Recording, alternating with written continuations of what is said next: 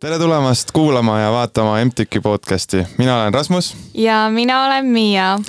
ja pärast pikka suve oleme jälle tagasi uue hooajaga ja kuidas paremini veel alustada seda hooaega, kui mitte meie loengukuru ja elava legendiga Avo Orgiga see on mees, kes on kõigile majandusteaduskonna tudengitele selgeks teinud mikro- ja makroökonoomika põhitõed. ja no ma arvan, et maja peal ei ole vist ühtegi inimest, kes teid ei teaks, tervist tere hommikust ka minu poole pealt ja kui ma nüüd alustaksin inglaslikult, siis ma võib-olla vihjaksin, et milline imeilus esmaspäeva hommik. aga kõik need, kes on mikroökonoomikat õppinud, teavad, et oot-oot-oot-oot, igasugune väide võib olla nii positiivistlik kui ka normatiivne.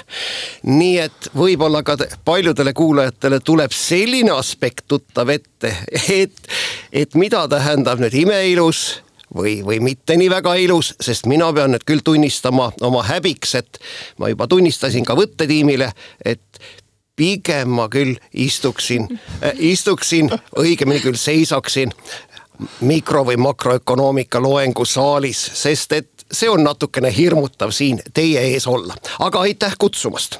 ja, äh, no väga tore, mina olen juba kolmanda aasta tudeng, nii et äh, minul juba mikro ja makro äh, teadmised võib-olla nii head enam ei ole, aga Miia, kuidas sul on?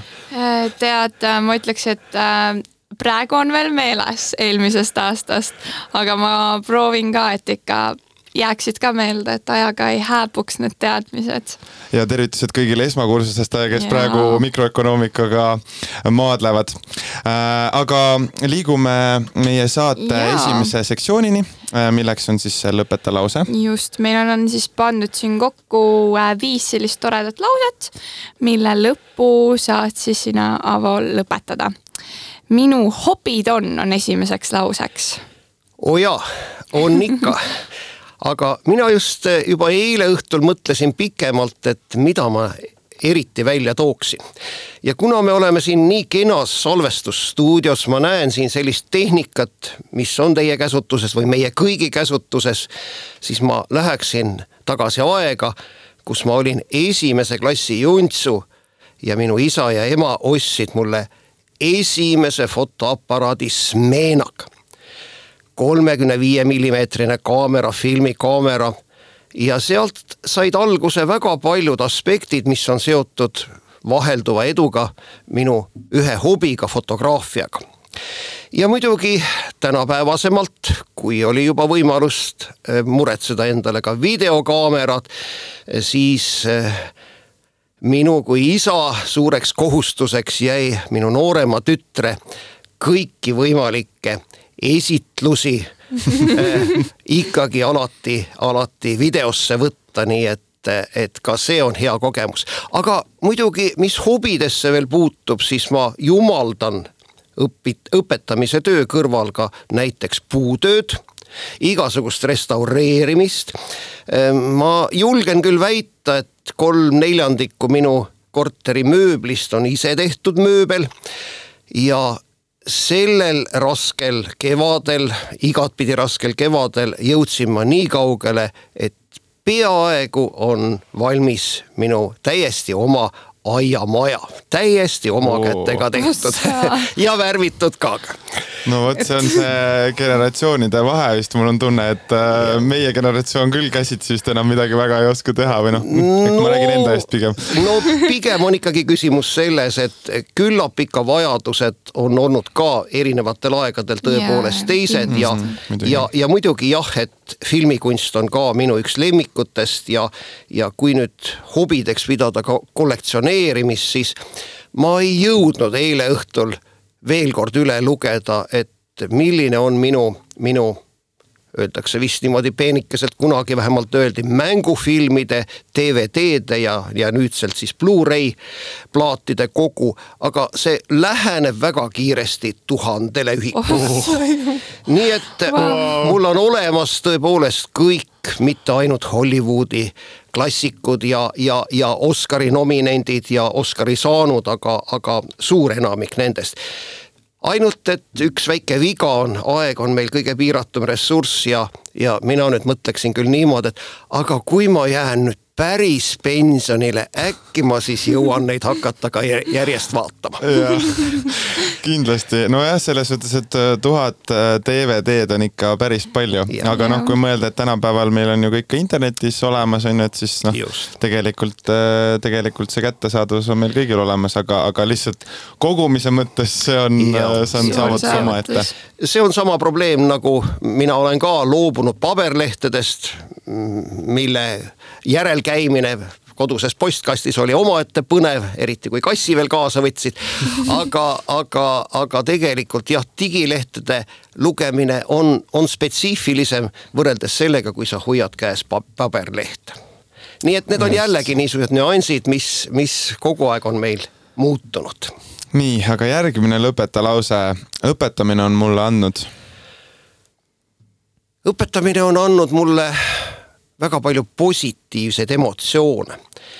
ja see tähendabki, et tegelikult, tegelikult äh, ma jällegi eile õhtul püüdsin nüüd paaniliselt valmistuda meie tänaseks kohtumiseks, sest et noh, niisama minna kohale, no on natukene kõhedavõitu. ja ma leidsin terve hulga selliseid tsitaate, mida on öeldud õpetamise kohta. ehk siis vast kõige tüüpilisem on see, et kes oskab, see teeb, kes ei oska, see õpetab teisi. George Bernard Shaw oli see mees, aga kui me nüüd hakkame ajalooliselt pihta, siis juba Marcus Tullius Cicero ütles, et mida ise ei teata, seda õpetatakse teistele. või siis viimane tsitaat, tegelikult neid tsitaate nüüd natukene rohkem, et, et ikkagi äh, selline variant, et ka Peeter Esimene, noh, milline on tema roll ajaloos olnud, see on nüüd iseküsimus, aga et, et neile, kes ise midagi ei tea, meeldib õpetada tegelikult on sellises väljendis nagu suur tõetera olemas, sest et mina ja õpetamine tähendab ka seda, et ma saan õpetada ainult seda, millest ma olen ise aru saanud. ja, ja selline arusaamine ikkagi tekib ka niimoodi, kui sa oled, oled nagu mingisuguse materjali kallal töötanud. ehk siis selline kogemus, kogemuste edasiandmine on väga tähtis. ja tegelikult ma tegin ka väikese miniküsitluse kahes rühmas esmakursuslaste seast, kes siis ka küsisid, et, et noh, et, et millised, et kui kaua ma kavatsen veel edasi õpetada ja, ja tegelikult ka seda, et kas te lähete õigel ajal pensionile. no ma pean küll tunnistama, et ma tegelikult olen juba pensionär. aga ma vist ei hakka ütlema oma sünniaastat, võib-olla ainult nendele, kes, kes nagu mõnes aspektis jällegi on väga tublid ja teadlikud. ma olen sündinud äh, draakoni aastal mina ka, kusjuures ja jäära tähtkujus. see pidi olema kaunikesti kummaline kombinatsioon, nii et andku kõik mulle andeks, kus eh, need situatsioonid, kus see jäär on välja tulnud, aga noortega tegelemine eh, hoiab sind, sind ka elujõulisena. et see on see vast see kõige positiivsem aspekt, mida üldse õp-, õpetamise juures, juures eh, võiks eraldi välja tuua. ja loomulikult ka ikkagi see, et, et kui sa oled meeldivas keskkonnas ja, ja sul on nagu midagi edasi öelda, eh, siis, siis sa püüadki seda teha nii palju, kui seda jõudu ja jaksu veel on mm. -hmm. nii et eh, niisugune aspekt vast esmapilgul tuleb mulle lause lõpetamisel ette no väga hästi, juba väike arvutusülesanne ka siin yeah. tudengitele antud.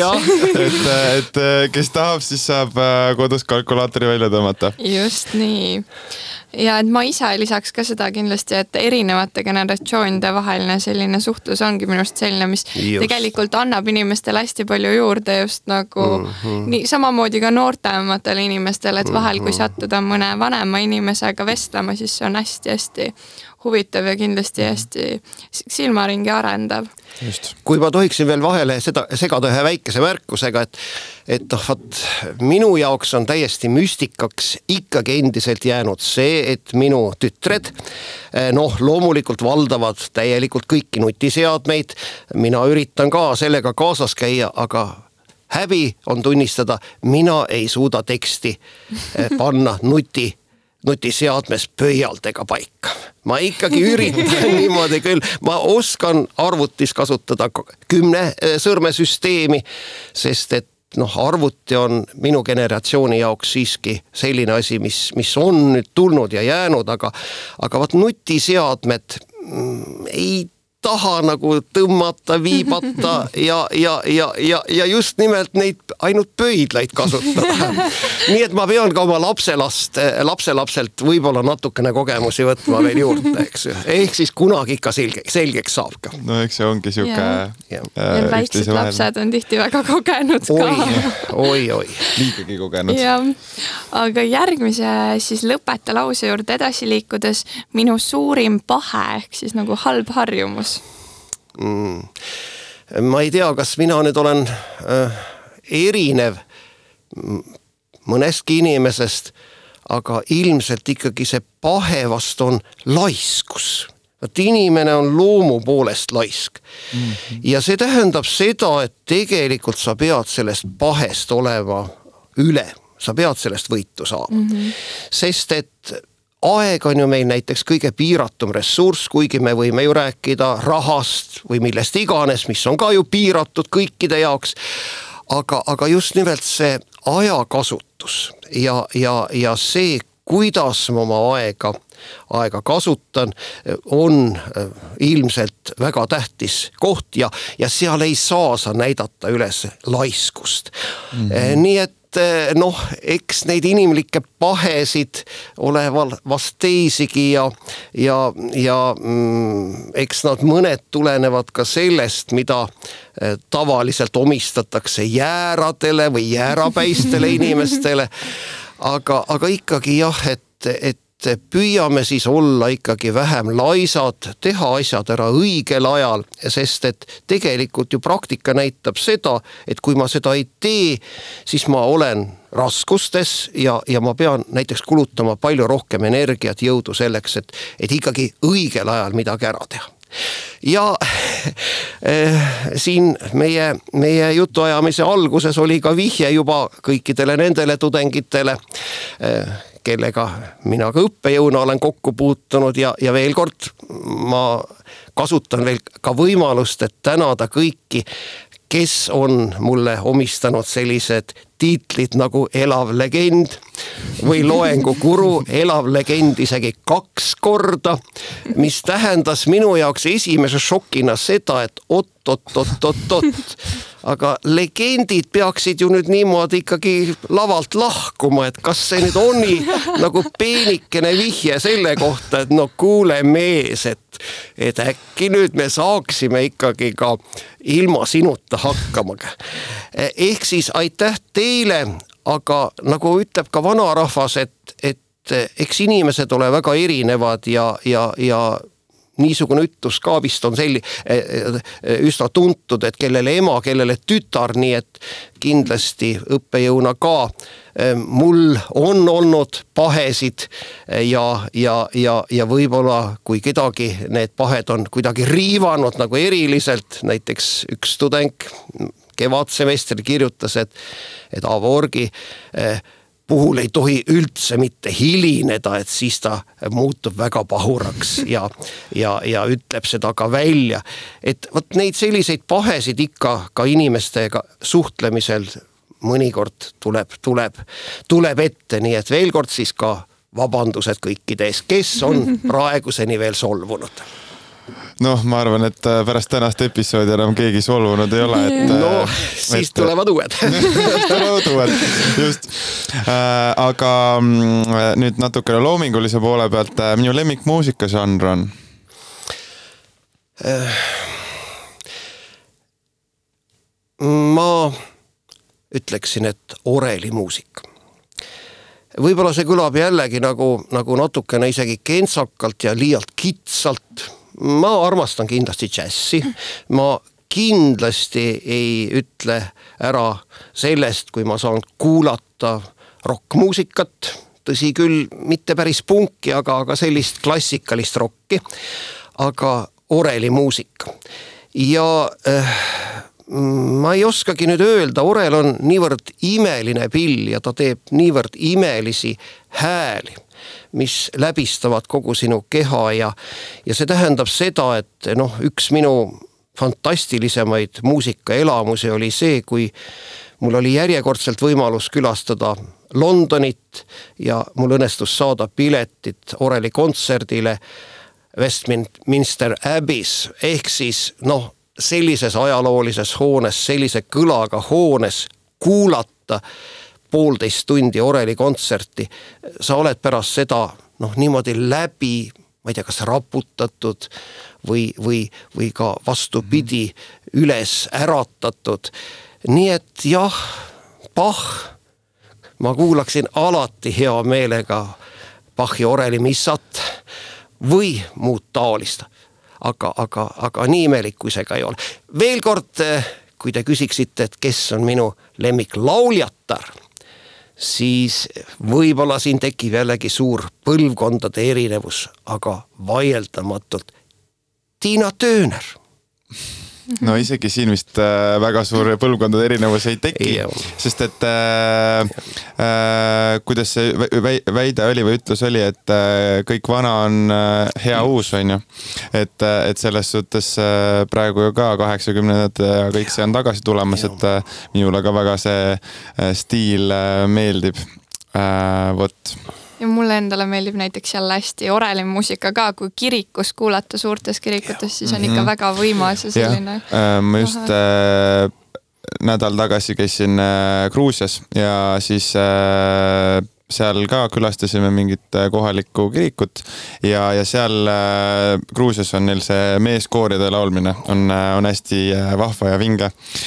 ja siis astusime sinna kirikusse sisse ja, ja, ja siis see meeskoor seal laulis ja no see ka ikka võttis judinad üle kere käima, et, et sihuke hoopis kuidagi teistsugune tunne, et, et sihuke võimas yeah.. ja, ja mina pean jällegi oma häbiks tunnistama, et, et et äh, sellel ajal, kui mina nüüd kasvasin, noh, ilmselt ei olnud väga palju võimalusi ka minu vanematel minu muusikalisele haridusele äh, pühenduda, ehk siis mulle küll palgati akordioniõpetaja, kes oli selline, mm, kuidas ma nüüd ütlen mitte just alati päris kaine, kui ta mulle tundi tuli ja, ja kes siis tukkus vahepeal, aga sai nagu oma raha kätte.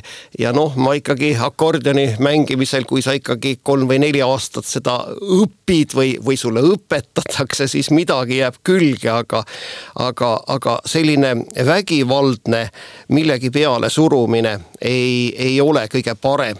nii et kui on ikka võimalus oma lastele, lastelastele ikkagi anda võimalikult igakülgset haridust, mille üheks osaks on ka noh, kasvõi elementaarsete muusikaliste teadmiste või teadmiste muusikas öö, omandamine, et see oleks muidugi väga-väga hea mõte Mm -hmm. aga nüüd siit äh, õppimise juurestki edasi tulla, et äh, viimane lõpetalause küsimus on, et minu lemmikaine keskkoolis oli või üldse koolis, et mm? -hmm keskkooliaeg minu jaoks oli selles mõttes väga keeruline, et kuna kuni keskkooli lõpetamiseni olin ma puhas nõmmekas. ma alustasin oma haridusteed kolmekümne neljandas kaheksaklassilises koolis, väike tore mõnus kool. tollel ajal vast ei olnud nii palju juttu nendest eliitkooli aspektidest.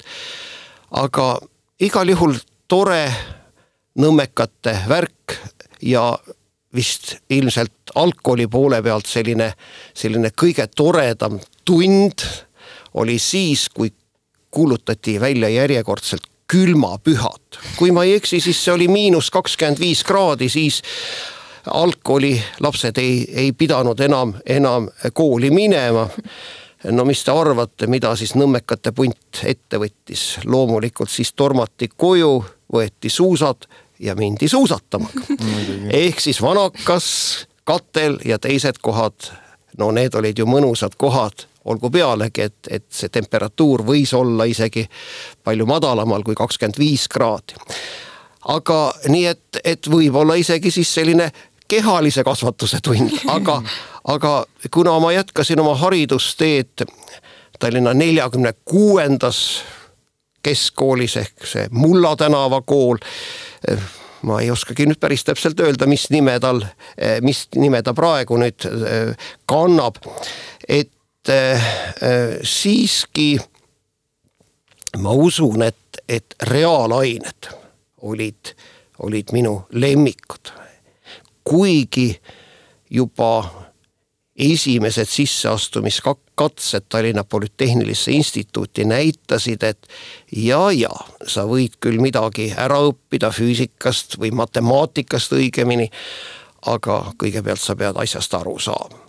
ehk siis kui ma siis pärast poolteist aastat automaatika ja telemehaanika õppimist TPI-s välja kukkusin, sest minu jaoks olid need reaalained siiski rasked, ma ei olnud selleks ette valmistunud. siis see järgmine etapp, kui ma uuesti jõudsin juba siis TTÜ-sse ja majandusteaduskonda õppima, õppima õppima majandusteaduskonnas tööstuse juhtimise ja planeerimise eriala, siis ma tegin kaks kuud kõva tööd matemaatiliste teadmiste omandamisel ja siis tõepoolest, sest tollel ajal oli ikka väga range see, et ülikoolid võtsid vastu sisseastumiseksamite tulemuste põhjal ja need olid ikka sellised, nagu nad olid, et, et ega seal hinnaalandust ei tehtud. siis mul tõepoolest õnnestus kõik sisseastumiseksamid teha hindele viis, sealhulgas ka no üsna keeruline matemaatika. nii et vot kõik sõltub nendest baasteadmistest ja, ja ma ikkagi ka jällegi mm, rõhutaksin, et reaalained eh, annavad meile noh, väga palju alust, eh, mille pealt saab edasi ehitada kõiki teisi teadmisi, nii et reaal, reaalained. no see vast suur üllatus ei ole, et, eh, et, et tõesti reaalained on vajalikud ja, ja panevad selle alustala, et, et, et üldse maailmas hakkama saada.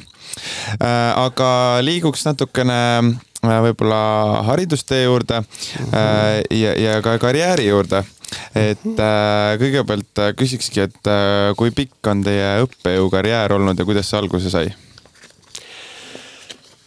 jah, nüüd tuleks minul ka hakata arvutama sest et tegelikult äh, mina sidusin oma elu juba noh, kas me siis ütleme TPI-ga või TTÜ-ga juba aastal tuhat üheksasada seitsekümmend kuus kui mind kutsuti, äh, kutsuti ühte ülikooli või instituudi uurimisrühma, millel oli väga pikk ja lohisev nimetus Tallinna linnauurimise labor, laboratoorium, tegelikult oli see ametlik nimetus veel kolm korda pikem.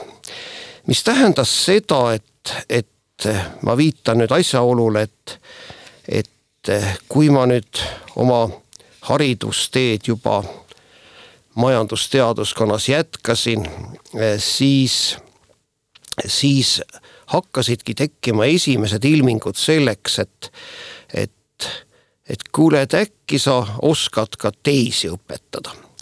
sest mina ju lõpetasin ülikooli toonases, toonases õhtuses õppes see on niisugune kummaline õppimise vorm, kus tuli käia igal õhtul, kas neid õhtuid oli nüüd parasjagu neli või viis nädalas, kella seitsmeteist neljakümne viiest kuni kella kahekümne ühe null nullini. Kogu aeg siis, siis toonases Kopli sada üks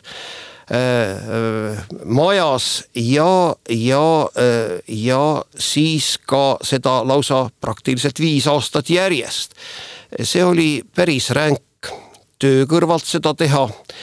kuigi see oli veel nõukaaeg, sest ma lõpetasin äh, selle eriala tuhande üheksasaja kaheksakümnendal aastal, ehk siis nagu me ise ütlesime, et olümpia väljalase äh, aga, aga, aga see tähendas erinevatele inimestele väga palju, tööl käivad inimesed, erinevad töökohad, kas sul oli võimalus töö ajal õppi, õppida, valmistuda tundideks või mitte.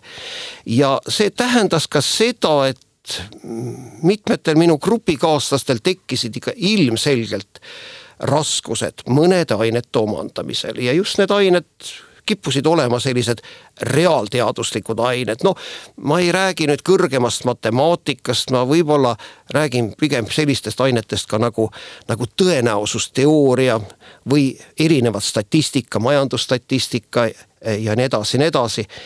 ja, ja siis igal juhul niisugune õppimise vorm, kus me võtame kokku väikese grupi ja, ja omavahel kontakteerume ja, ja püüame asjad selgeks saada. ja, ja siis ma avastasingi juba selliseid aspekte, et, et, et äkki ma ikkagi oskangi teistele edasi anda, mõnikord isegi võib-olla natukene lihtsamalt või teises vormis kui mõnigi õppejõud, ametlik õppejõud, neid teadmisi. ja see nüüd tähendaski siis seda, et et tasapisi hakkas minu karjäär kalduma siis Tallinna jällegi Polütehnilise Instituudi või ka TTÜ poole.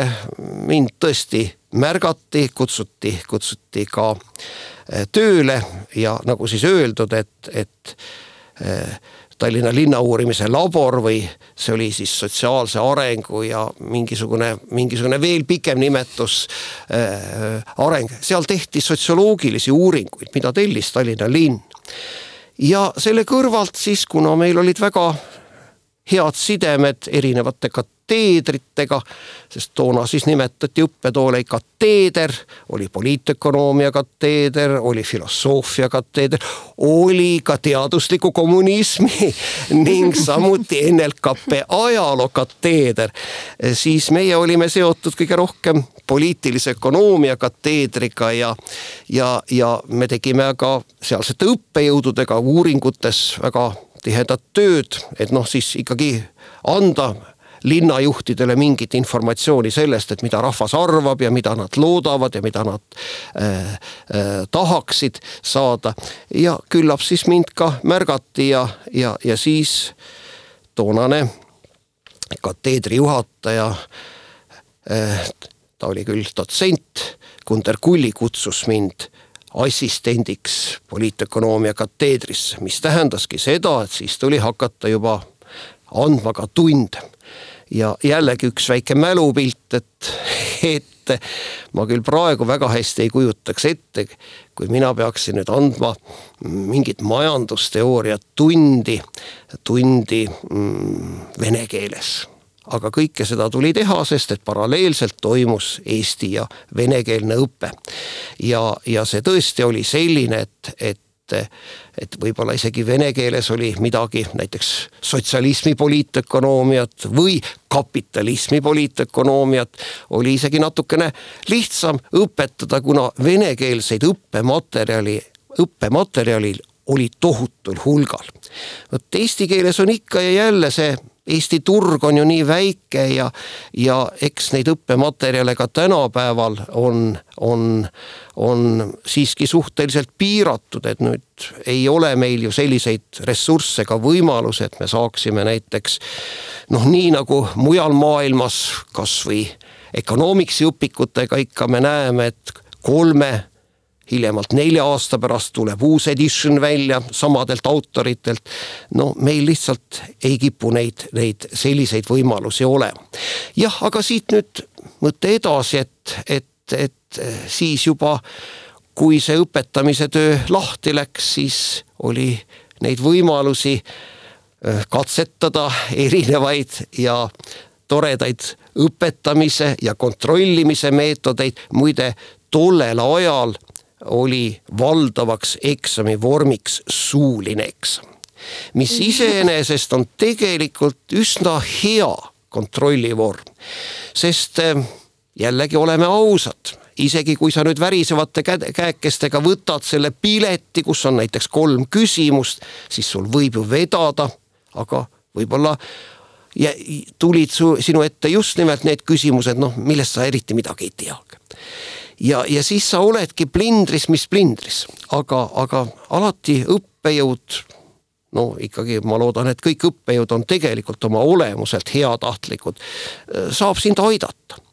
ja selles mõttes, selles mõttes noh, kahjuks nüüd selliste suurte voorude puhul olen nüüd mina väikese patuna ainult teinud viimase õlekõrje, kõrre varianti, et kui tudeng nüüd kaks korda näiteks mikro- või makroökonoomika eksamil läbi kukub, teinekord ka, noh nüüd siis peaks kogu lugu olema, kohtume järgmisel õppeaastal, kui üldse kohtume. Eh, siis ma olen öelnud, et aga teate, me võiksime jätkata, jätkata eh, seda eksamit siiski veel natukene edasi.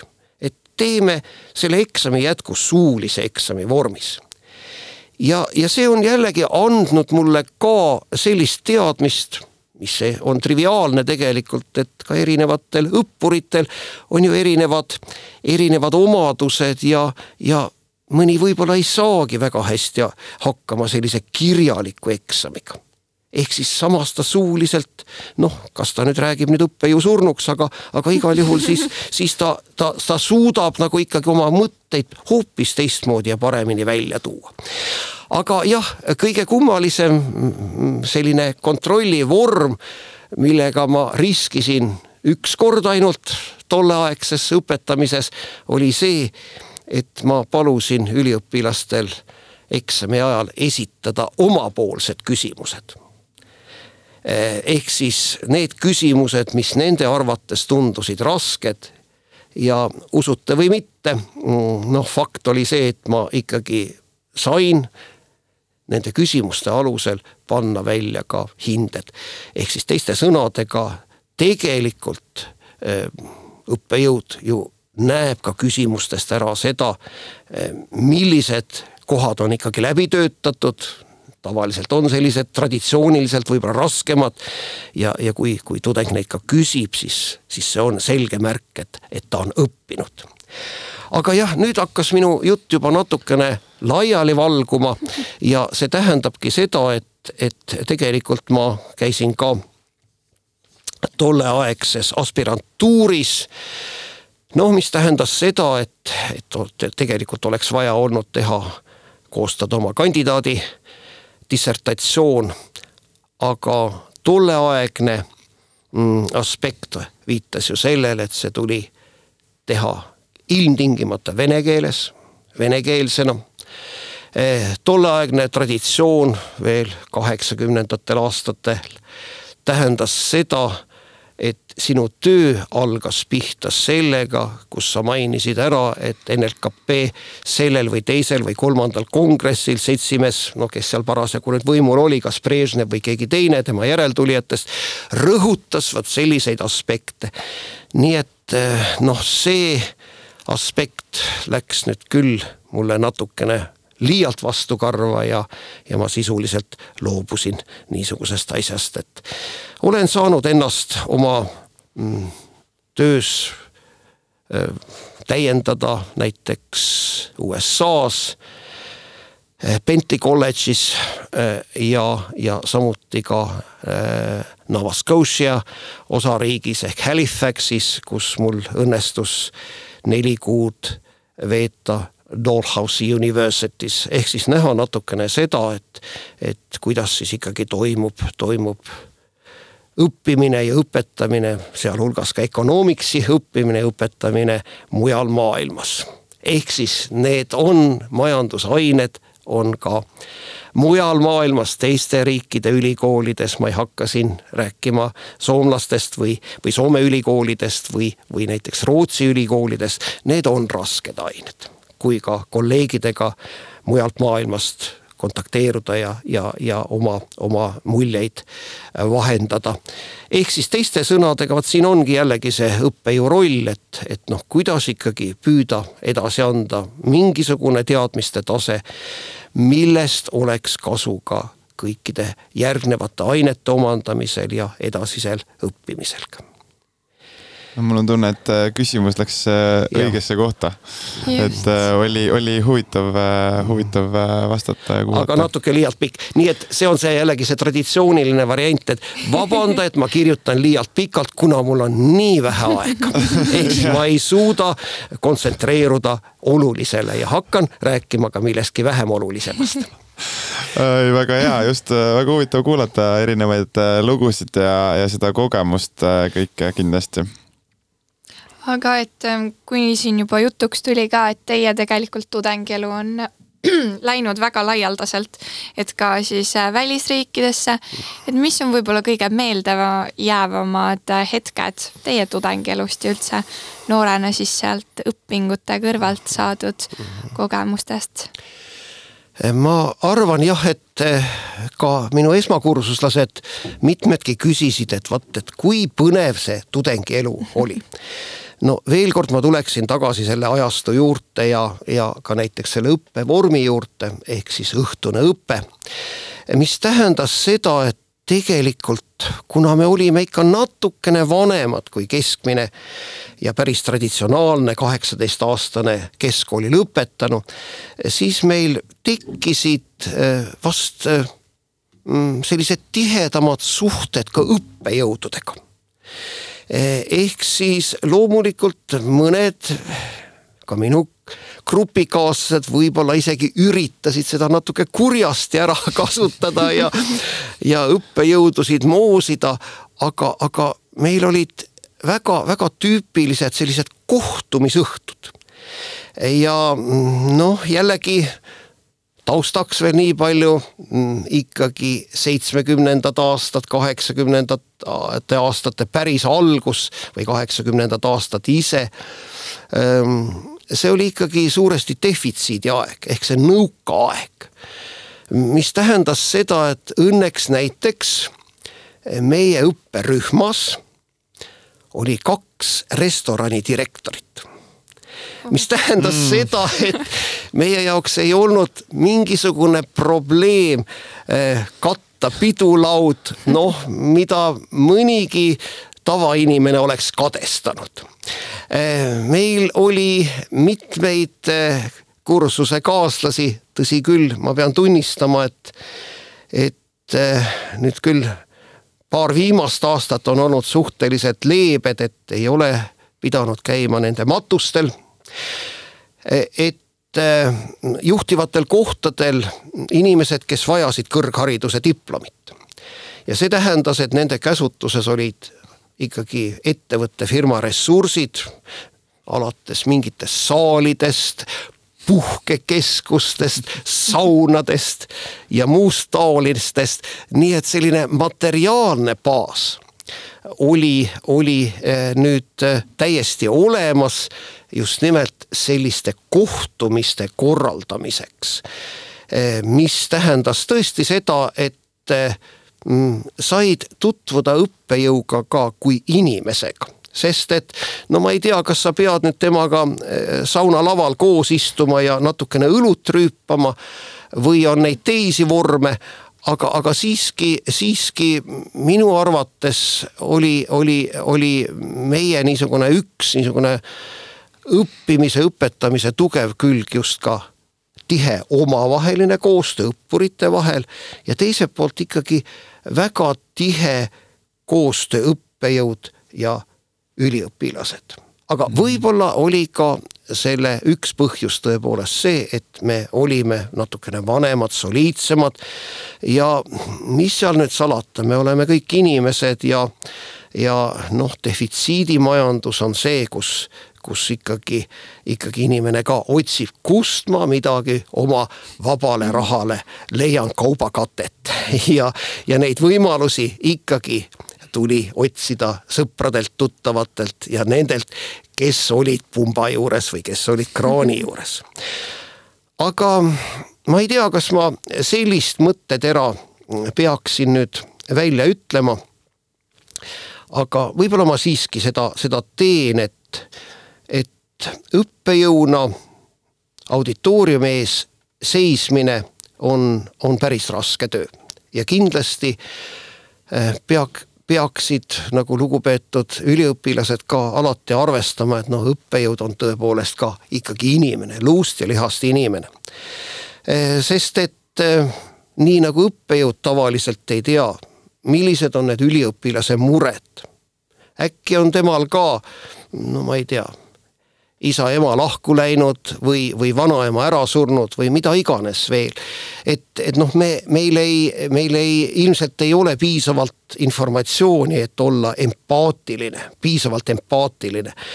aga noh, näiteks mina eh, olen pidanud seisma klassiruumi ees siis, ma õpetasin haldusjuhte ja haldusjuhid, juhtide põhiline õppetöö toimus Sütiste teel. seda hoonet enam ei ole olemas, see on nüüd PERH-i käsutuses. ja PERH-i ehk siis Põhja-Eesti Regionaalhaigla hoonete kompleks on seal ju väga suur, kohe kõrval eh,.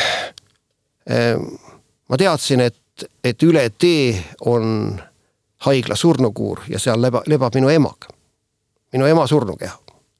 Aga ma ometigi pidin, pidin need tunnid ära tegema seal no ma ei tea, kas see võiks olla nüüd nagu vihje kolleegidele või, või sellele, et, et ma oleks ju ise võinud võtta, võtta vabad päevad põhjendusega või siis, või siis lihtsalt ütlema tudengitele, et noh, vahetund on ka tore tund ja, ja tundide ärajäämine on tore, aga, aga, aga see oli, see oli ikkagi väga raske katsumus. Teiselt poolt sellest katsumusest aitaski üle saada näiteks just töö tegemine. eks, ja mm, -hmm. ja see ikkagi see igapäevase töö tegemine nii et, et jah, et jällegi võib-olla minu, minu niisugused äh, mälestused hakkavad natukene laiali valguma aga, aga, aga keegi tahtis just küsida, et noh, et millised on need naljakad juhtumid. ja, ja, ja kuidas, kuidas nüüd on lugu spikerdamisega ja sellesse suhtumisega, no kellega me oleme kohtunud, siis ma arvan, et üks minu traditsioonilisi väiteid on see, et, et Aavo Org on allergiline vähemalt kahe asja suhtes. üks on tavaline kriit mille vastu ma tõepoolest olen allergiline ja jumal tänatud, et, et et enamikes vist koolimajades või õppehoonetes praktiliselt enam tavalist valget kriiti ei kasutata, sest see tekitab ikkagi väga, väga koledaid reaktsioone. aga teine on spikerdamine ja see tähendab seda, et, et nüüd võime jällegi nagu küsida, et noh, aga et, et kuidas nende kivide loopimisega on, et kui sa ise ka oled patune, kas meie näiteks omal ajal spikerdasime eh,? Spikerdasime, aga natukene teistmoodi, kui tänapäeval see eh, harjumuspärane on. nimelt me valmistasime ette materjalid, sest enamikes ainetes oli olemas ka kordamisküsimustik, eksamipiletite loend ja kui sa nüüd ikka ise või siis väikese jaotamisega kahe-kolme peale need küsimused ära jaotada, need läbi töötasid, siis see tähendas, et, et kas sul ikka ongi seda spikrit vajaka.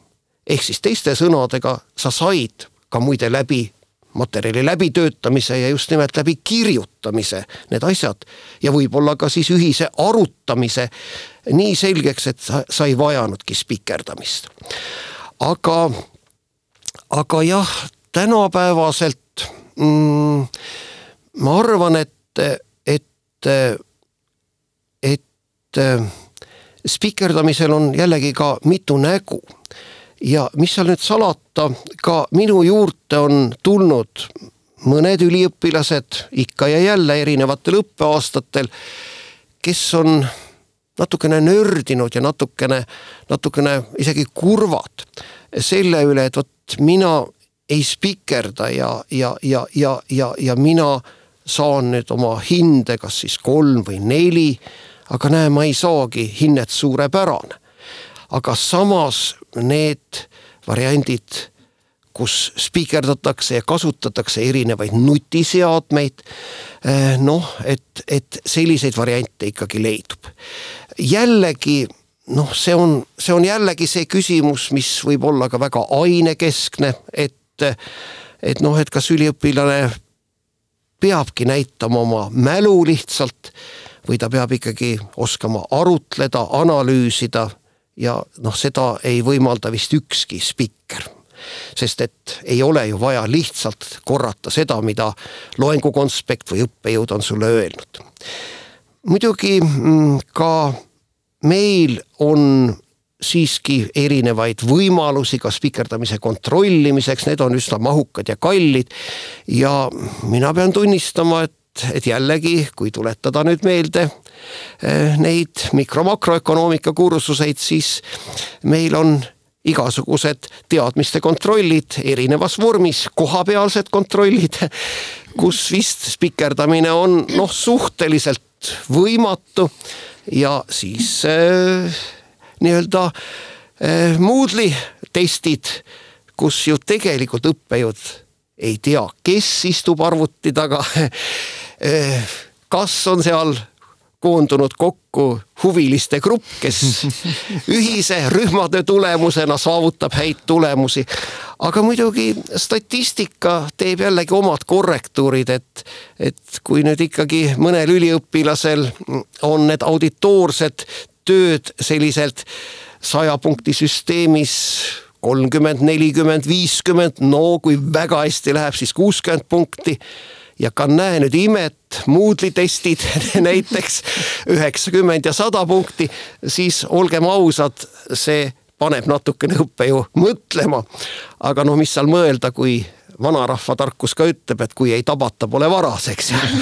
nii et küllap siis ikkagi, ikkagi lõppkokkuvõttes ikkagi ka eksam peaks enam-vähem objektiivselt ja, ja kellelegi liiga tegemata, tähendab need mingid teadmiste tasemed paika panema, nii et keegi ei saaks nagu öelda, et tõesti, et vot mina olen aus ja seda ausust nagu karistatakse mm. -hmm no vot, nüüd meil on äh, siis äh, õppejõu pool ka olemas äh, spikerdamisest ja tegelikult ja. väga hea idee, mis te välja tõite, on see, et, et see on praegu meie vorm, kuidas ja, õppejõust ja. natukene võib-olla rohkem teada saada ja natukene personaalsemal mm. tasemel mm -hmm. siis uurida mm. -hmm. aga vabandust, ma ütleksin veel, vana aja võtted spikerdamiseks, mida mina mäletan oma ülikooli ajast, olid sellised, et kui olid eksamipileti küsimused teada, siis oli väga oluline hankida täpselt samasugused paberilehed, nagu olid õppejõul.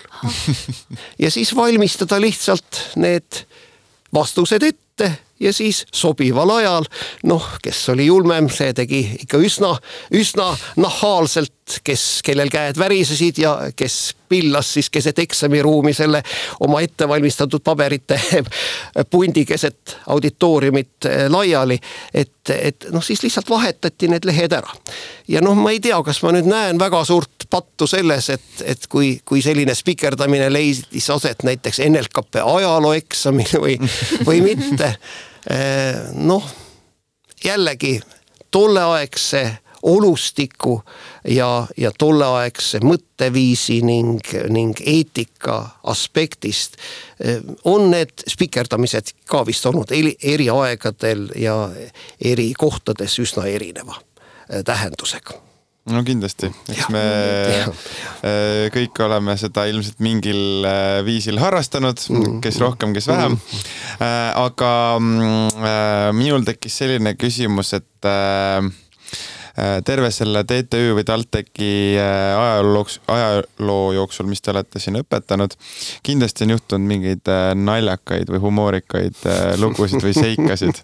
et kui, kui peaks nüüd ühe nagu välja valima, siis mis see võiks olla? ma tean, ühte on ilmselt väga raske välja valida, aga, aga just, proovime. just, no jah kui me alustame õppeaastat ja eri, eriti õppeaastat siis, kui on tegemist esmakursuslastega, siis õppejõu jaoks, ma ei tea, kas see on naljakas või natukene kurb ka või, või isegi selline kaastunnet äh, äh, esile kutsuv on see, et ikka ja jälle satutakse valesse auditooriumisse. Ja siis vot on huvitav vaadata, et kui palju aega läheb selleks, et üliõpilane taga, tabab ära, et oi-oi-oi, et see vist ei olegi see aine ja see õppejõud, kus ma peaksin olema aga muide, täpselt samasugust aspekti olen mina ka õppejõuna eh, kohanud ja, ja ise läbi elanud. Eh, sest äh, olgem jällegi ausad, kaheksakümnendate aastate lõpp võib-olla ka juba siiski enam-vähem ikkagi üheksakümnendate aastate keskpaik ja, ja, ja, ja selline, selline lähenemine siis milleeniumile tähendas seda, et toonane kauboikapitalism viitas ka sellele, et meil tekkis Eestis tohutul hulgal erinevaid, no ma ei tea, mis käemärki ma nüüd peaksin tegema, ülikoole, nime poolest ülikool. Ja mis seal salata, olen minagi olnud nendesse värvatud ja, ja, ja, ja, ja noh, ma ei tea, ma ei julge nagu kunagi öelda, et ma olen nüüd päris haltuuratsenud aga, aga, aga siiski ma olen tõesti õpetanud ka sellistes noh, võib-olla äkki neid tänapäeval nimetatakse Kiisu ülikoolideks. enamik nendest on ära kadunud, kuigi näiteks Tartu Ülikooli Pärnu kolledž on ikka endiselt kenasti olemas, kuigi toona oli ta Pärnu majanduskool või, või siis Mainori äh, erinevad õppeasutused äh,. et, et vot kui sa õppejõuna jooksed ühest õppeasutusest teise, sageli olid need õpetamised seotud ka isegi liikumisega Tallinnast väljapoole siis see tähendas, et eks sul pea võis ikka natukene sassis ka olla ja kui see tudengite hulk kellega sa kohtusid antud semestril või õppeaastal, oli ikka üüratu, see ei olnud mitte sada või kakssada, vaid see oli võib-olla nelisada, viissada, siis loomulikult need nime, äh, näod, nimed pigem, kui sa nimekirjasid vaatad, aga näod väga just silma, äh, silma äh, hakkasid küll, aga sa nagu hästi ei orienteerunud. Ja mina olen ka vist isegi oma elus kaks korda mitte küll Tallinna Tehnikaülikoolis, astunud auditooriumisse, hakanud oma loengut pidama. kõik on niimoodi surmtõsiste nägudega. noh, nagu ei oska midagi kahtlustada, sest et kui üliõpilased on olemas, auditoorium on olemas kolleegi ka kusagilt sisse ei astu, kes tahaks ka õpetama hakata sealsamas kohas ja ajas siis hakkadki, aga, aga siis eh, jah, jällegi ei oska nüüd täpselt öelda, kas viisteist või kakskümmend minutit kulub ikka selleks, kui arglik hääl ütleb, et aga äh, õpetaja, et, et eh, teate, meil on üks teise aine tund tegelikult siin. Aga, aga ma arvan, et ja kui ma nüüd õigesti mäletan mõnikord see mälu võib ka natuke petta, siis me tegime ikkagi selle majandusteaduse tunni ilusasti läbi ja loodetavasti oli sellest kasu ka nendele üliõpilastele, kelle tund see ei olnud. nii et selliseid naljakamaid juhtumeid on ka ikkagi mõnikord tulemas. aga nagu te teate, mina olen selline üsna konservatiivne ja ja sugugi mitte selliseid nalju armastav õppejõud, nii et, et, et ega me vist väga nüüd äh, majandusteooria õppetooli, äh, õppetundides väga vist nalja ei viska või, või mõnikord viskame ka. Mõnikord ikka juhtub, et mõnes loengus ikka tuleb ette. et äh, isegi mäletan, kuidas äh, ikka ka mikroökonoomika loengus terve saal on naernud. et, et selles suhtes äh, ei ole see, see lugu nii, nii, nii äh, lootusetu ka. nojah, pigem võib-olla jällegi ma mõnikord olen üritanud ka natuke provotseerida ja, ja, ja oma naljadega ka katsetada seda, et kas üldse naljast saadakse aru. ehk siis mm -hmm. teiste sõnadega, kas see nali jõuab kohale, see võib olla jällegi seesama koht, et, et põlvkondade erinevus ja, ja muu taoline räägime me erinevat keelt, kasutame mm -hmm. erinevaid mõisteid ja, ja siis ei olegi vastastikune arusaamine üldse garanteeritud. just aga liikudes siit nüüd siis natuke rohkem selliste majanduslike teemade juurde. et esimene teema on veel veidikene siin või esimene küsimus, mis meil siin veel on, on natukene rohkem seotud äh, ka õppimisega, aga mida teie arvate, kas kõrgharidus peaks olema endiselt tasuline või äh,. endiselt tasuta siis? endiselt tasuta. või äh, kuidas teie seda näete? jah, see on äh, tegelikult seda tüüpi küsimus, mille peale vist tõesti võiks öelda, et väga hea küsimus, võtaksime järgmise. sest et vaevalt, et sellel on ühest vastust. ja mm, kui me nüüd jälgime praegust situatsiooni, ehk siis ka raha ja eelarvelised vahendid on alati ju piiratud ja alati tekib küsimus, et kellele siis anda, sest et üks põhiline majandusmõte ideedest on ju alternatiiv ehk loobumiskulud ehk kaotatud võimaluse hind. ehk siis piiratud ressursside korral alati keegi saab või millegi, millegiks me kulutame midagi, aga midagi me ei saa siis teha uuesti. et, et kui me oleme nii hädas siis kindlasti on räägitud siin palju ka tasulisest õppest, aga, aga ma arvan, et tasuline õpe üldse vajab väga korralikku mm, toetuste süsteemi, stipendiumite süsteemi, laenude süsteemi. Ja, ja kui seda ei ole, siis, siis, siis ei ole mõtet ja kui see ei ole korralikult ette valmistatud, siis ei ole mõtet sellest rääkida. Aga muidugi mm, tasuta hariduse probleemidena mina näen ikkagi seda, et, et äh, eks meilgi ole siiski üliõpilasi, kes ei vasta vähemalt ühele tingimusele, mida mina alati esitaksin. et üliõpilane soovib ülikooli tasemel õppida ja teiselt poolt ta suudab õppida. Ja me oleme inimestena nii erinevad, et, et, et, et võib-olla, võib-olla ikkagi, ikkagi alati need kaks, soov ja suutelisus ei lähe kokku või puudub täiesti üks nendest aspektidest. ja vot siis nüüd see tekitab, tekitab tõesti see tasu, tasuline eh, haridus tekitab selle küsimuse, et noh, et, et kas siis rahakotiga saab neid, neid eh, probleeme lahendada ja kui meil on tasuta haridus, siis ikkagi, ikkagi see, et, et kas selle tõttu eh, noh, jäävad võib-olla need inimesed, kes peaksid kõrgharidust omandama, eh, noh, jäävad nagu, nagu, nagu ülikoolist väljapoole. et eks meil ole need asjad natukene paigast ära ja, ja sellest on ka ju palju räägitud, et, et, et millegipärast eeldatakse ja arvatakse, et, et haridustee jätkamine näiteks gümnaasiumist edasi, noh, peaks ilmtingimata olema ülikooliharidus. et siin tõenäoliselt noh võiks nagu olla palju rohkem erinevaid võimalusi, sealhulgas ka kutsehariduse poole pealt. Äh, aga, aga noh, jah.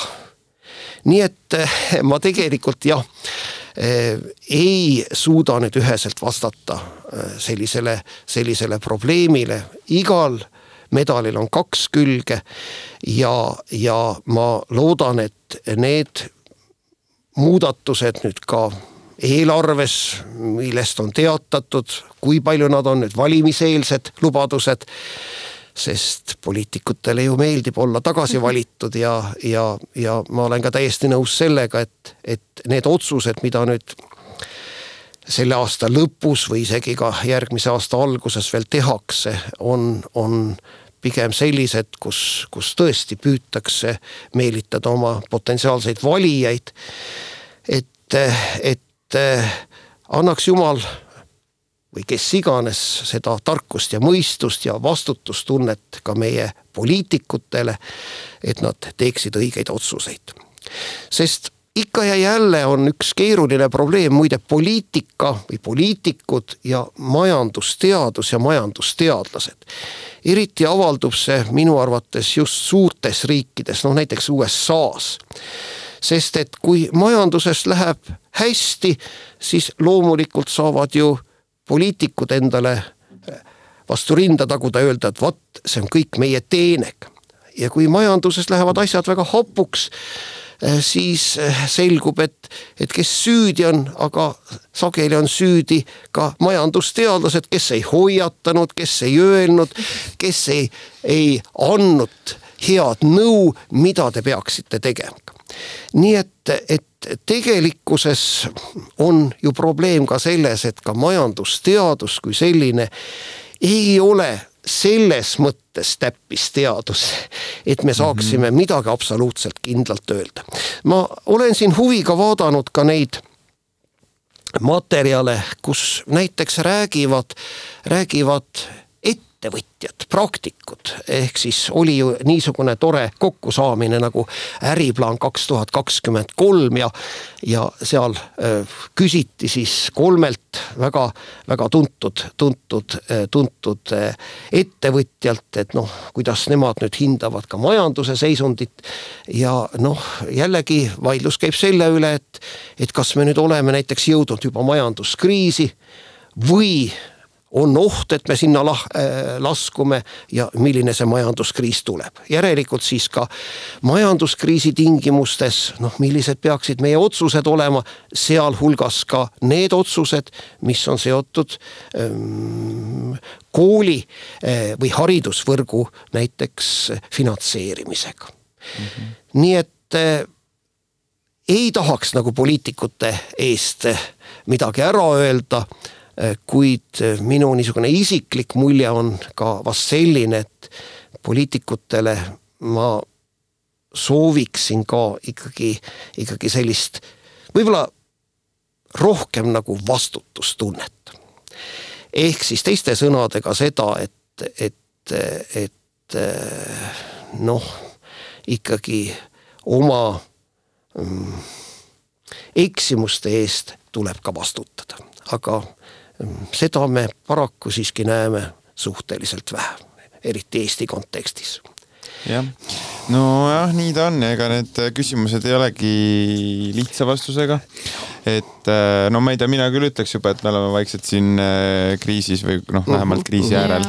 et, äh, et selles suhtes, aga nagu me oleme näinud, siis eks ta nii käibki, et umbes kümne aasta tagant sihuke see, see nagu tsükkel käib, on ju, et, et kõik langused on, on tõusuga ja. parandatud. ja, ja noh, see tõus oligi ju äh, sihuke enneolematu mm, -hmm. ütleks. ja me, meie maailm on ikka praegu sellises situatsioonis, kus loetletakse vähemalt kolm kriisi mm -hmm. üheaegselt yeah., eks ju, alates, alates koroonast ja, ja, ja, ja millest iganes veel. nii et, et maailm muutub, maailma majandus muutub ja, ja muidugi Eesti nagu me oleme vast ka makroökonoomikaga põhikursuses juba rääkinud, Eesti on väike avatud majandusega riik mm. -hmm. ja nüüd anda ka Eestile häid soovitusi. no see on üks paras kunsttükk, sest me oleme liialt palju seotud oma partneritega ja, ja, ja teiste riikidega mm. -hmm ma just tahtsingi tegelikult küsida, et noh, meil on siin energiakriis, tervishoiukriis, julgeolekukriis, üks kriis ajab teist taga, et ähm, aga võib-olla energiakriisist siis natukene, et ähm, kuidas teie olete oma elektritarbimist äh, muutnud ja kas ja. olete muutnud või, või mis äh, teie seisukoht sellest on? jah mm,, alati on, on vast suhteliselt lihtne tuua konkreetseid näiteid. ja mina pean ütlema, et, äh, et olen kogu aeg lähtunud sellisest rahvatarkusest või on see inglise vanasõna, et, et ma ei ole nii rikas, et osta odavat. järelikult, kui ma nüüd ka mm, olen või oleme, sest me elame ikkagi seni veel abikaasa Sirjega koos, kuigi äsja oli meil suur vaidlus, et kas meil nüüd ikkagi on neljakümnes abieluaasta või see läheb juba neljakümne esimesse abieluaastasse. aga no see oli niisugune tühine vaidlus, nii et, et see ei mõjutanud veel praegusel ajal meie kooselu. siis me oleme alati lähtunud sellest, et, et näiteks ka kodumasinate puhul, ka selle puhul, millised on meie korteris valgustid, kuidas me käitume Eh, elektri kasutamisel. et, et esiteks väga-väga ökonoomsed seadmed, mis võivad küll kallid olla ja, ja võib-olla siin ei ole seda puhast majanduslikku efekti nii selgelt võimalik ka välja tuua, et no millal ta siis ära tasub mm, -hmm. kui sa ostad endale eh, A pluss, pluss, pluss vana märgistuse järgi mingi kodumasina, et, et, et, et oh, parem, parem eh, juba osta mõni odavam, läheb niikuinii katki. et, et see tähendab seda, et ma pean tunnistama, et eelmisel aastal me näiteks ähm, maksime oma elektri eest umbes koos kõikide maksude, ülekandetasude ja muude asjadega äh, kusagil viisteist, kuusteist eurot kuus mm. -hmm. nüüd on meid õnnistatud elektriarvetega äh, mingi viiskümmend, viiskümmend viis eurot kuus. no vaadake ilmselt me oleme natukene erinevas situatsioonis, kui, kui minu mm, noorema tütre äi ja ämm, kelle oma majal on elektriküte, sealhulgas ka saunas ja kes eh, said nii-öelda väikesed üllatused siis, kui nende elektriarved läksid seal kaheksasaja, üheksasaja euro peale kuus mm. -hmm. et noh, need on täiesti erinevad situatsioonid, aga, aga ma usun küll, et me muidugi ikkagi võiksime olla ka ilma, ilma selliste otseste äh, survestusteta noh, sest veel kord eh, esialgu ma arvan küll, et, et näiteks meie elektritarbimine on suhteliselt ühtlane, me tõepoolest püüame säästa ja tõepoolest äh, oli ka meie elektripakett börsihinnaga, mis tähendas seda, et valida sai ikkagi seda, et millal siis pesumasin töötab või, või, või millal suuremad elektritööd tuleb ära või elektrit kasutavad tööd tuleb ära teha. aga, aga jah, et, et, et me tõesti võiksime nagu olla, olla siiski ka põhimõtteliselt säästlikumad ja, ja see tähendab ka seda, et, et ikkagi me vist mitte ainult elektrienergiat, vaid ka teisi ressursse kipume siiski raiskama. ja, ja see, see on natukene kurb. et, et, et, et see annaks jällegi ka majandusele selline säästlikkus ja, ja, ja, ja, ja, ja kõlblike, kõlblike mm, komponentide nii-öelda taaskasutamine ikkagi päris palju juurde mm. -hmm. nii et, et jah ma ei ole veel vaadanud, kas eh, nüüd Eesti Energia on teinud millise pakkumise, aga ma usun küll, et, et eh, vähemalt konkreetses situatsioonis ei, ei ole, ei ole see probleemiks. Ja, ja, ja kui me nüüd vaatame ka neid hirmsaid statistilisi andmeid kohutava Eesti inflatsiooni kohta. Need, need protsendid on ju mm, -hmm. ju päris mhm. kohut-, suured. ehk siis tarbijahinnaindeksi tõus, mis ju näitabki sisuliselt inflatsiooni määra ära. siis ei maksa nüüd unustada ka seda lihtsat põhitõde, et, et kuidas oli väike vale ja suur vale ja hädavale ja statistiline vale ehk siis jällegi me oleme ka tarbijatena väga erinevad ja, ja kui me nüüd ikkagi mõtleme sellele, et kuidas arvutatakse näiteks consumer price index'it ehk seda tarbijahinnaindeksit, see on ju tüüpilise keskmise tarbija ostukorv. mis tähendab seda, et, et karta vist on, et vähemalt osadele eestimaalastele ja Eestimaa kodumajapidamistele on hinnatõus olnud veelgi suurem kui paarkümmend protsenti. kuna nende jaoks olulised olulised hüvised eh, nende, nende ostukorvis, nende eelarves on tunduvalt suuremad kui, kui keskmisel tarbijal ja hind on samas tõusnud mitte kakskümmend või kolmkümmend protsenti, vaid võib-olla viiskümmend või sada protsenti.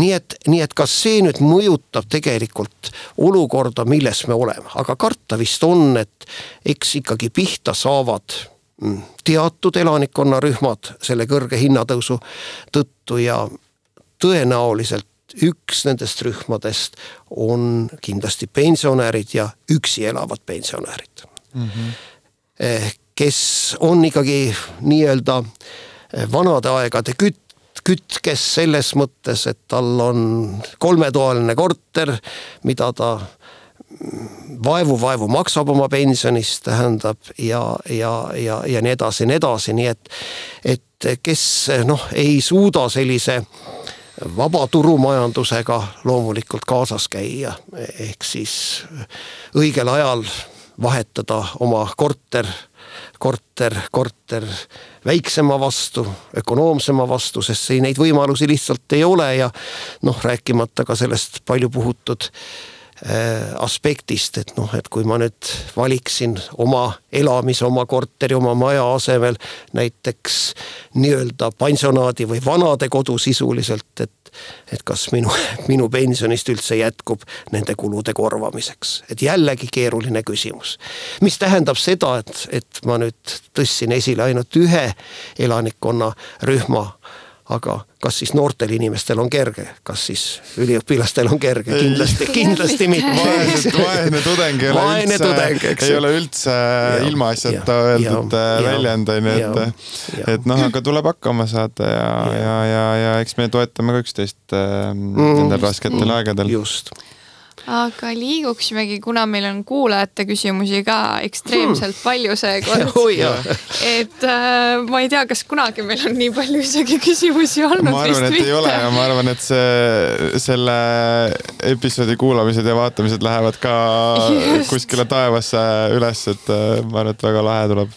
ja esimene kuulaja küsimus ongi, et miks on teie tunnikontrollide pikkus just kaksteist minutit? Eh, jah, ja mina mõtlesin ka, et kas vastata sellele pikalt või lühidalt. ma katsun vastata lühidalt, aga sellepärast, et ma kahjuks jõudsin veendumusele viimasel kahel aastal, et kümme minutit on natukene vähe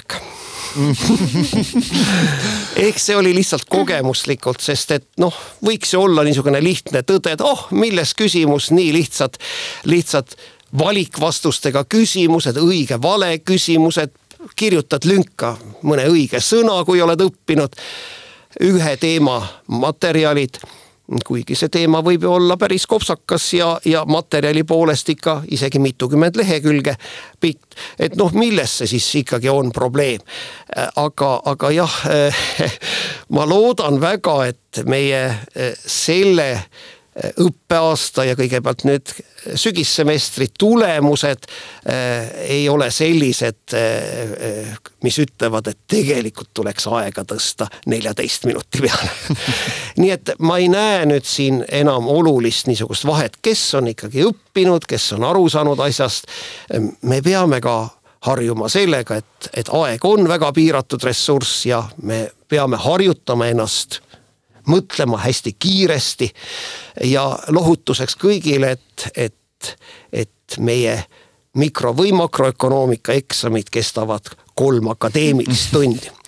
mida kindlasti ei ole mõtet pikendada nelja akadeemilise tunni peale, sest minu arvates juba nii pika aja peale juba mõtlemine jookseb täiesti kinni. nii et et lepime vast selliselt, kõigile teada ja, ja kõik oskavad arvut-, arvestada ja, ja ka harjutada. nii et puhas äh, statistika on siin selle taga ja just. kogemus. ja kogemuslik, see on kogemuslik tõepoolest, jah Äh, siis on selline küsimus, et äh, mis on teie lemmik äh, reisi sihtkoht olnud äh, ja kuidas teile Rootsi kruiisid meeldivad?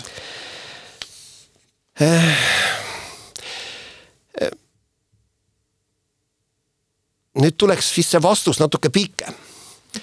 sest eh, näete, see on nüüd see vanainimese heietamise koht, kus hakatakse meenutama midagi sellist, eh, mida enamik ilmselt kuulajatest ei saagi teada, sest nemad ei olnud veel sellel ajal sündinud.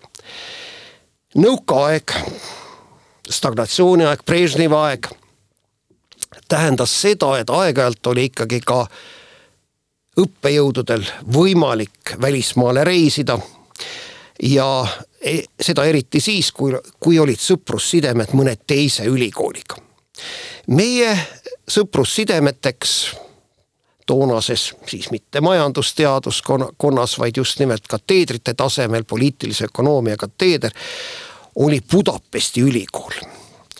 ja siis see tähendas seda, et, et kui kõik professorid, kõik dotsendid olid Budapesti reisi juba ära teinud, mis ei olnud sugugi mitte teadmiste vahetamise reis, vaid nii ungarlaste poole pealt kui ka meie poole pealt olid need puhtalt ostureisid. Ehk siis ikka defitsiitset kaupa, mida ühes või teises riigis ei olnud, seda osteti kokku, noh, tehti mingi ametlik kokkusaamine ka. siis minul õnnestus ka esimese välisreisina, mille kohta anti mulle spetsiaalne služebnõi inastranne passport ehk siis välismaa tähendab ametipass läbi kõikide pitsatite, mille andsid, need pitsatid andsid ka, ka sealhulgas ka julgeolekuteenistused. et ma võisin minna sotsialistlikku Ungarit külastama. no see, see on tegelikult mõeldamatu, mida, mida, mida me pidime elama nõukaajal läbi ja, ja see võib-olla praegustes meenutustes on see natukene naljakas, natukene kurb, aga see oli toonane tõsiasi ja, ja küllap on mõnedki eh, kuulajad ka vaadanud näiteks ENSV eh, telesarja, eks ju mm. -hmm. ehk siis eh, noh, seal küll huumorivõtmes, aga, aga ikkagi vot selline see elu oli. ja, ja nüüd ma läheksin selle küsimuse juurde. Ma pean ütlema, et et ma loodan jällegi, et võib-olla pensionärina mul õnnestub natukene rohkem vabadust saada ja natukene rohkem reisida. aga kui ma mõtlen oma lemmiklinnade peale, siis vaieldamatult minu lemmiklinnaks välismaal on siiski London mm.. ja ärge küsige, miks, ma ei tea, miks see niimoodi on, aga mulle London meeldib. Äh, võib-olla mulle meeldib selline pigem inglaslik stiil. Äh, võrreldes noh, versus prantsusliku stiiliga. Äh, ja, ja veel nagu võib-olla selliste välismaiste reiside kohta. et sellel suvel me tegime ainult ühe väikese reisi ja käisime Ahvenamaal. julgen soovitada, fantastiline reis sest näete, ma ei tee reklaami mitte ühele reisibüroole, sest neid reisibüroosid, kes, mis korraldavad Ahvenamaa reise, on, on, on erinevaid, aga minu jaoks tõepoolest fantastiline üllatus, kogu see loodus ja, ja loomulikult ka, ka need inimesed ja, ja kõik see, kuidas nüüd ikkagi on äh, säilinud, säilinud selline osa äh, äh, saarestikust kus ikka sisuliselt kasutatakse, kasutatakse praktiliselt rootsi keelt, nii et me olime natukene raskustes ühes kui teises, teises restoranis, et midagi tellida. Äh, aga õnneks aitasid välja nii soome kui ka, kui ka inglise keele oskus. ja samas tõesti ähm, mõnikord tuleb argielust lihtsalt ennast üritada välja lülitada ja selle juures aitavad isegi sellised hästi väikesed eh, kodust äraminekud sest kui sa jääd koju, siis ikkagi on sul tuhat, tuhat ja üks tegemist, mida sa teed, mida sa võib-olla pead tegema, mida sa oled lükanud edasi, aga nüüd enam ei saa kusagile lükata mm. -hmm. ja see tähendab, et meie näiteks abikaasaga oleme avastanud eh, niisuguse väga hea võimaluse, võimaluse eh, ennast natukene igapäevasest olekust eh, välja lükata, istuda õhtul kella, kell kaheksateist null null Tallinki Stockholmi väljuva laeva peale, veeta mõnus õhtu, ma ei taha öelda öö, öö laevas, saabuda Stockholmi käia Stockholmis ringi. Äh, ma julgeksin öelda, et vist Stockholmis ei ole enam ühtegi muuseumi või näitust, mida me ei oleks külastanud. Mm.. tulla laeva peale, nautida bufee õhtusööki, äh, vaadata mm, esinemisi, saabuda järgmisel päeval kell, kella kümne paiku Tallinnasse ja siis on veel võimalus, et isegi, isegi jõuad veel pärastlõunast, lõunaseid loenguid teha. nii et, et mulle väga meeldivad või meile meeldivad need asjad äh, suuresti ja, ja kindlasti on siin ka erinevaid põhjuseid.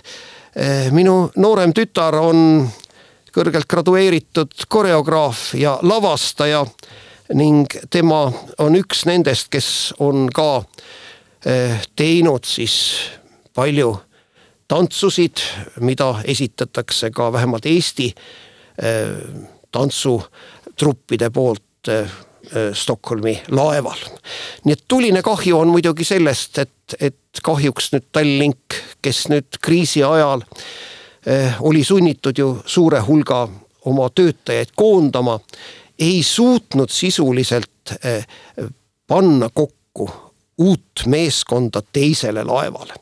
nii et, et et tegelikult siis kahjuks on ainult üks, ühe laeva väljumine tähendab, muidu oli ju niimoodi, et igal päeval ja õhtul eh, siis, siis väljus üks laev Stockholmi poole ja kusagil poolel teel said nad, nad siis kokku. aga, aga jah, et, et Rootsi kruiisid meeldivad küll mulle väga, võib-olla, võib-olla isegi natukene rohkem kui, kui Helsingi kruiis nojah, need on äh, ka hoopis äh, teistsugused ja ma arvan, et yeah. tudengitele ka väga meeldivad. jah, kui on võimalus, siis kasutage seda ära ja, ja, ja noh, kui on võimalus, no näiteks mm, kõik Tallinna maratonil osalejad said sellise sooduskupongi mm, -hmm. mis oli Tallinki poolt välja antud, et, et kolmekümne protsendise hinnaalandusega saad oma reisi kätte. ja kui, kui teil meeldib nii-öelda lõõgastuda ka isegi sellises versioonis, et te, te eh, mängite bingolotot või, või ka lihtsalt, lihtsalt osalete loosimistes, siis noh, äkki veab ja, ja võidate lausa tasuta kruiisi. aga jah, teiste riikidega on alati eh, väga tore tutvuda, kuid ma ikkagi veel kord rõhutaksin, et minu arvates kõige toredam on näha mm, mm, välismaailma, siis kui sul selles riigis on mõned sõbrad või tuttavad.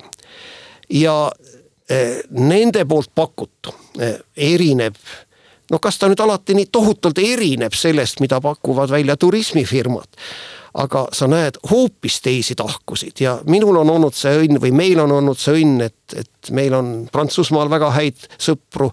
meil on Rootsis sõpru, meil on rääkimata Soome sõpradest ja meie oleme ka siis vastupidi püüdnud alati Tallinnat ja Eestit tutvustada just nimelt selles plaanis, et kuidas meie siis kui, kui eestimaalased näeme seda Eestit ja see, see tähendab tõesti vastastikku väga kasulikku äh, suhet ja, ja, ja, ja väga palju äh, selliseid äh, muljeid, mida vist lihtsalt kusagilt selliselt ametlikult organiseeritud turismireisit kunagi sa ei saa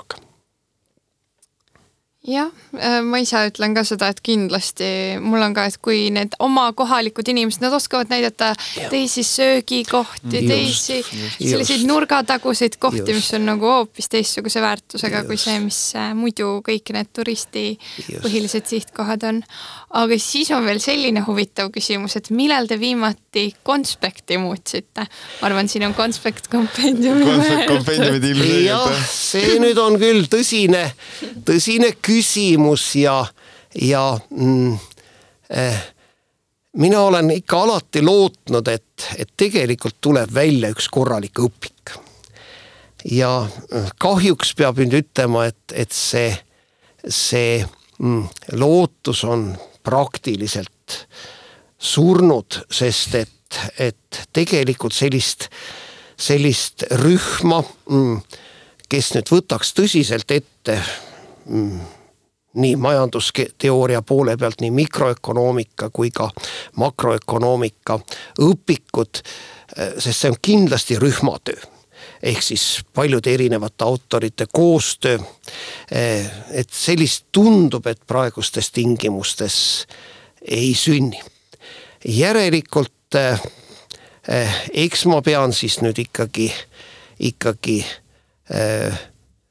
võib-olla kõigepealt ennast natukene vabandama sellega, et ma püüan esmajoones uuendada, värskendada esmajoones neid operatiivseid materjale ehk siis, siis äh, neid, äh, neid slaide, mida me üheskoos vaatame loengutes.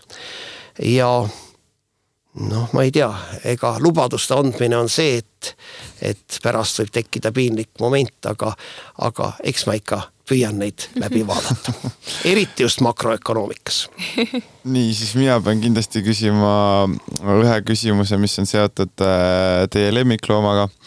Äh, nii et võib-olla tähelepanelikumad äh, tudengid on märganud, võib-olla siis online loengutes või, või harjutustundides, et, et teil on ka üks tore kassikene et kuidas temaga suhtlus on ja kuidas kuidas teil üldse loomadega suhted on?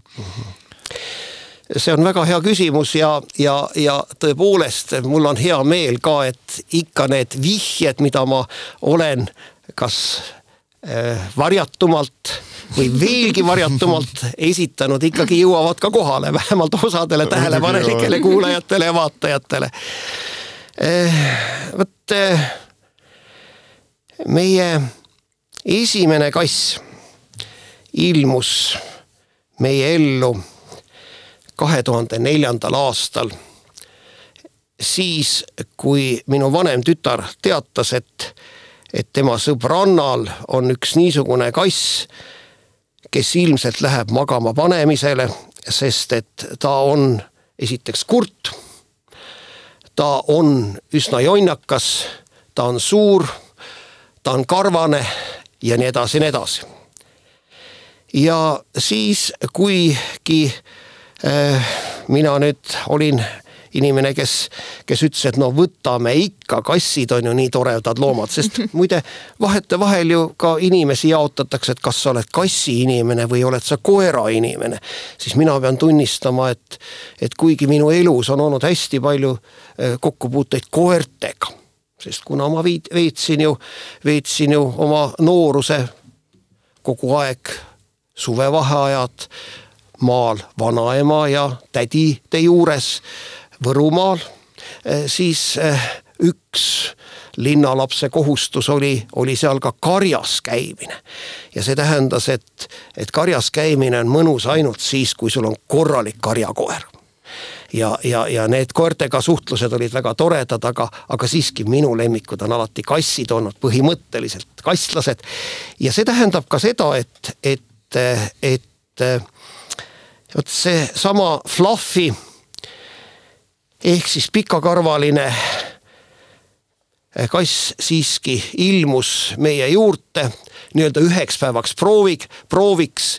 no loomulikult õnnestus tal hulk pahandusi teha juba, esiteks paar lillepotti maha ajada, siis siis vaipa natukene kratsida, meie nahkdiivaneid kratsida ja nii edasi ja nii edasi, aga, aga me siiski võtsime ta enda, enda juurde.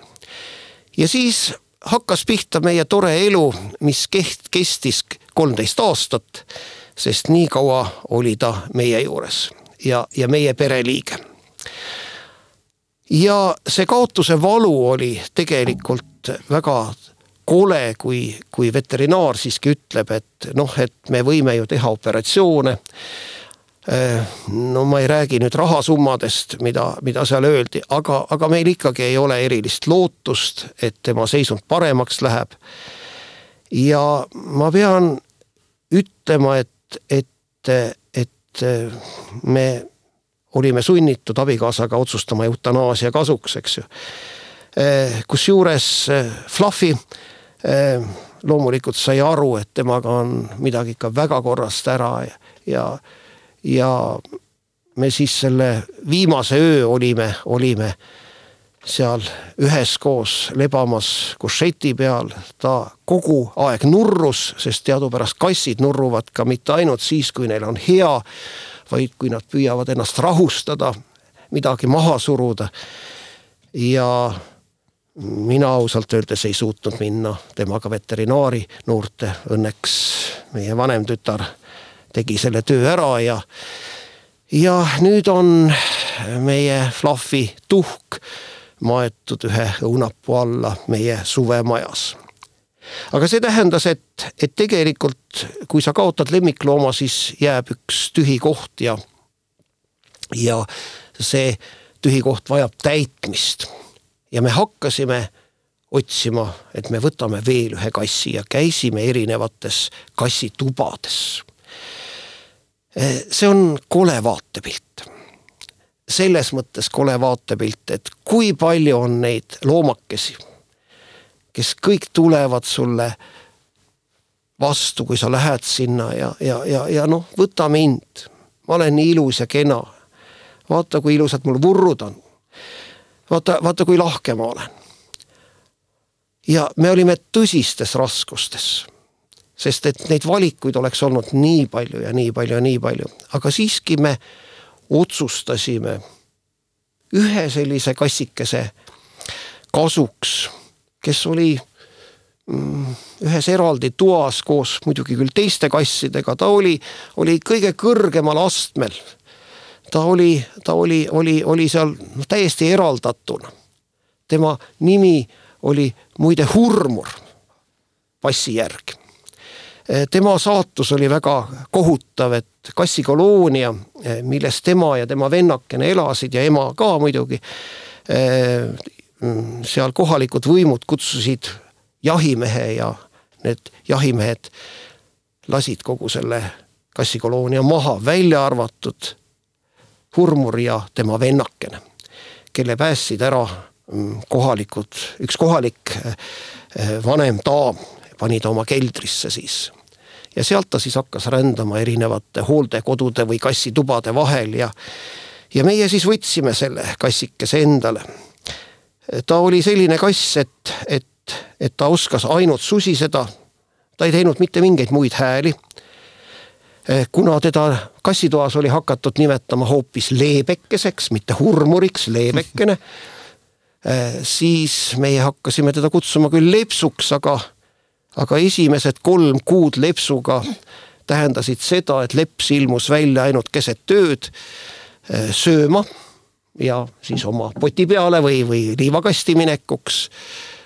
ta ainult tõepoolest oskas susiseda ja hambaid näidata, ta kunagi ei hammustanud ega ei kratsinud sind. aga ta midagi muud ei osanud, sest et tema pelgupaik oli meie köögis suure külmkapi taga. mis tähendas seda, et, et, et, et minu abikaasa isegi kartis, et aga mis siis saab, kui ta jääb sinna külmkapi taha kinni, et me ei jõudnud seda isegi eriti liigutada. ja see oli septembri lõpus. Ja noh, me üritasime teha, mis kõik võimalik on, aga kass ei reageerinud. ta ei mänginud, ta ei osanud mängida. ta noh, sõi ainult seda kuivtoitu, mida oli talle kassitoas antud mitte teisi toitusid ta ei, ei, ei, ei maitsnud üldse, ta ei, ei, ei, ei osanud millegagi mängida. Sest ta oli tegelikult noor kass, ta oli kusagil natukene üle aasta vana. ja siis detsembrikuuses, jõulukuu nagu see on, juhtus üks jõuluime. ma istusin oma kirjutuslaua taga arvuti, arvuti taga ja järsku käib üks vopsatus ja üks helepruun karvakera tuleb mulle sülle. see oli imega tegelikult. Ja pärast seda eh, hakkasid need imed järjepanu juhtuma. tõsi küll, selgus kurb tõsiasi, et, et leps eelistab alati, noormees ikka nagu ta on Eh, eelistab naisterahvaid eh, eh, kuigi nüüd viimased kuus aastat või isegi kuus ja pool aastat nüüd juba, jah, siiski kuus aastat, on see tasakaal natukene muutunud. võib-olla ta saab aru, et see, kes tema liivakasti puhastab, see, kes talle süüa annab, see, kes temaga veterinaari juures kaitsesüstimisi käib tegemas, olen alati mina. aga, aga me oleme vist talle mõlemad võrdselt tähtsad. ja, ja tõepoolest see, kui, kui nüüd sind korteri ukse juures tööpäeva lõpus ootab üks selline nurruv kassikerag või kassi eh, selline kiisukerag. Eh, noh, see on midagi, midagi, midagi väga-väga toredat, mõnusat, inimlikku. Eh, sest et, et kassid on ilmselt stressi leevendajad ka aga, aga samas noh, meil läks ikka tegelikult ikka päris pikka aega ennem kui, kui leps hakkas, hakkas mingisugust häält tegema peale susisemise, nii et me ikka harjutasime oma peaaegu et aasta aega, kuidas öelda kurnjau sest et ta ei osanud seda millegipärast, eks. nii et tegelikult loomadest veel. Mm, kuna ma elan Õismäel ja minu või meie korteri aknast avaneb suurepärane vaade Tallinna loomaaiale siis me oleme väga sagedased loomaaia külastajad. jällegi ma ei tea, kas see on selline reklaam, mida tohiks üldse teha. loomaaial on olemas aastapilet. ehk siis see on ikka suhteliselt soodne või väga soodne võrreldes kõikide teiste hindadega. ja alati, kui minna loomaaeda ja jalutada seal ringi, looduses jalutamine on, on, on on iseenesest mõnus. aga alati õnnestub meil seal näha mõnda sellist looma, keda sa praktiliselt ei ole, olegi näinud. ja, ja kui veel jälgida seda, kuidas Tallinna loomaaed on nüüd muutunud, millised on seal need uued ehitused ja, ja kõik muu taoline, siis, siis see on jällegi üks väike leevendus igapäevasele stressile ja, ja kõigele sellele, eh, mida, mida me võib-olla jällegi nagu tehiskeskkonnas nagu ei tunnetagi enam. aga muidugi loodusega side võib igal juhul olla ka teistmoodi, näiteks mina armastan väga seeni korjata aga see on juba järgmine lugu. Äh, ma vaatan, et meil on siin äh, sihuke klassikaline loenguaeg, poolteist tundi on juba täis tiksunud, et, äh, et selles suhtes, aga meil on kindlasti Nii, paar väga olulist ja, küsimust veel küsimata, et küsime need ka. loomulikult. nii kas ma võtan selle kõige rohkem küsituma küsimuse? võta see küsimus, mida kõik tudengid, kes käivad Avo e-orgi loengutes äh, tahavad teada et mida tähendab see E-täht, mida slaidide all näha võib teie nimes? see on väga hea küsimus. ja tegelikult see vastus on natukene pikem. esiteks ma usun, et te hoomate siin Ameerika mõjusid, sest ameeriklased ju armastavad seda varianti mm. -hmm. aga see E-täht sümboliseerib minu isa nime see on Eduard. ja miks ma ikka ja jälle olen, olen tema peale mõtlemas. aga sellepärast, et ka eh, Eduard Org on vot selle süsteemi ohver, mida siis Nõukogude Liit meile peale surus. sest et tema oli sõja ajal parasjagu selline mees, eh, kellel tuli minna armeeteenistusse. kõigepealt Saksa vägedesse, sealt õnnestus tal õnneks ära pageda, siis Vene vägedesse. Eh, tema vennal Alfredil ei läinud nii hästi. Eh, ta, Alfred mobili-, mobiliseeriti ka Saksa sõjaväkke ja saadeti Eestist välja, nii et tal ei õnnestunud ära põgeneda ja ja siis, kui sõda lõppes, siis loomulikult see raske tee, mille tõttu Alfred jõudis Inglismaale ja eh, moodustas seal siis nii-öelda oma, oma pere. ja kahjuks ei õnnestunud vennastel noh, ikkagi toonasel nõukaajal veel ka kokku saada, sest et, et need välismaa sugulased olid üks väga halb näitaja. ja see tähendas ka väga halba näitajat minu isale, kes oli tegelikult huvitav, huvitav, väga, väga osav kokk. nii et ta tegelikult sõjaväes, mõlemas sõjaväes ka oli koka rollis ja teda väga kiideti ja, ja, ja, ja pärast sõda, kui nad emaga kolisid Tallinnasse, Võrumaalt Tallinnasse, siis, siis ta sai tööd Tallinna Miilitsa koolis, see oli Nõmmel. ja sai tööd kokana, mis oli tollel ajal sellise kitsuse ja vaesuse ajal, ajal ka ikka haruldane töö niikaua, kuni julgeolekuorganid avastasid, et no selline inimene, kelle vend on välismaale põgenenud, kuidas ta saab töötada, töötada niisuguses kohas nagu Nõukogude miilitsaid ettevalmistavas asutuses. ta võib nad kõik ära mürgitada või noh, mida iganes mm -hmm. teha. mis omakorda tähendab seda, et et minu isa paberitesse löödi igale poole sisse sellised templid, et ta ei ole usaldusväärne, teda tuleb kahtlustada ja tegelikult ta kogu oma elu oli sunnitud veetma lihttöölisena Tallinna tselluloosi- ja paberivabrikus.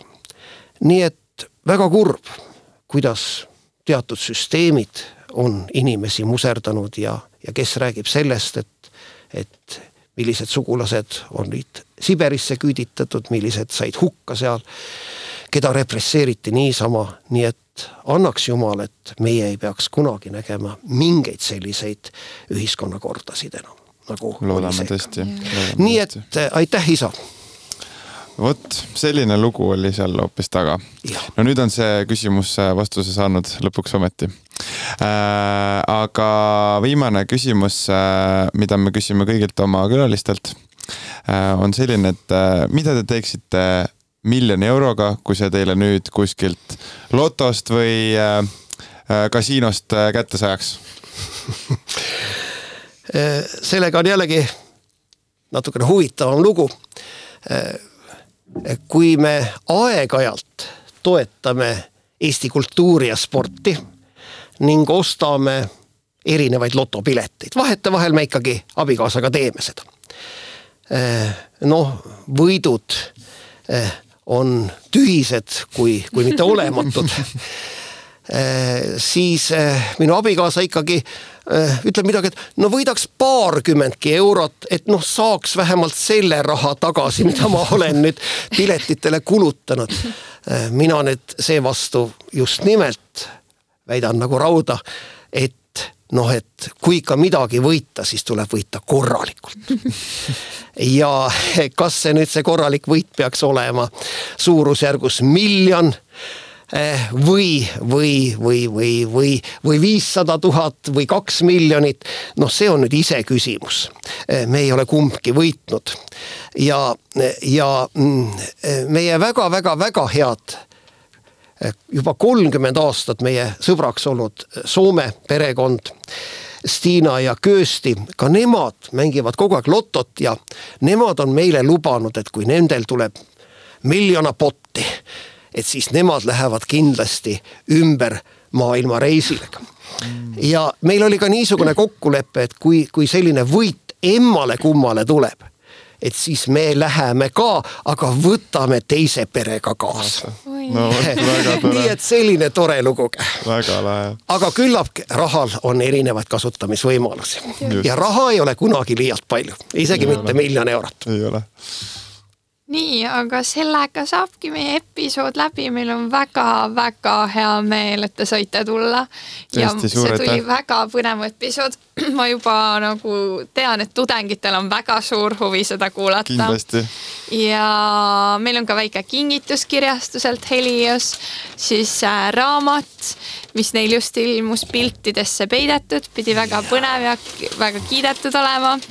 ja kindlasti jälgige siis kõik kuulajad meid ka Instagramis, TalTech MTÜK äh,, samuti äh, Youtube'is, TalTech Majandusteaduskonna üliõpilaskogu ja ka Spotify's. ja aitäh, et te meid kuulasite. tänud ja tšau. aitäh kutsumast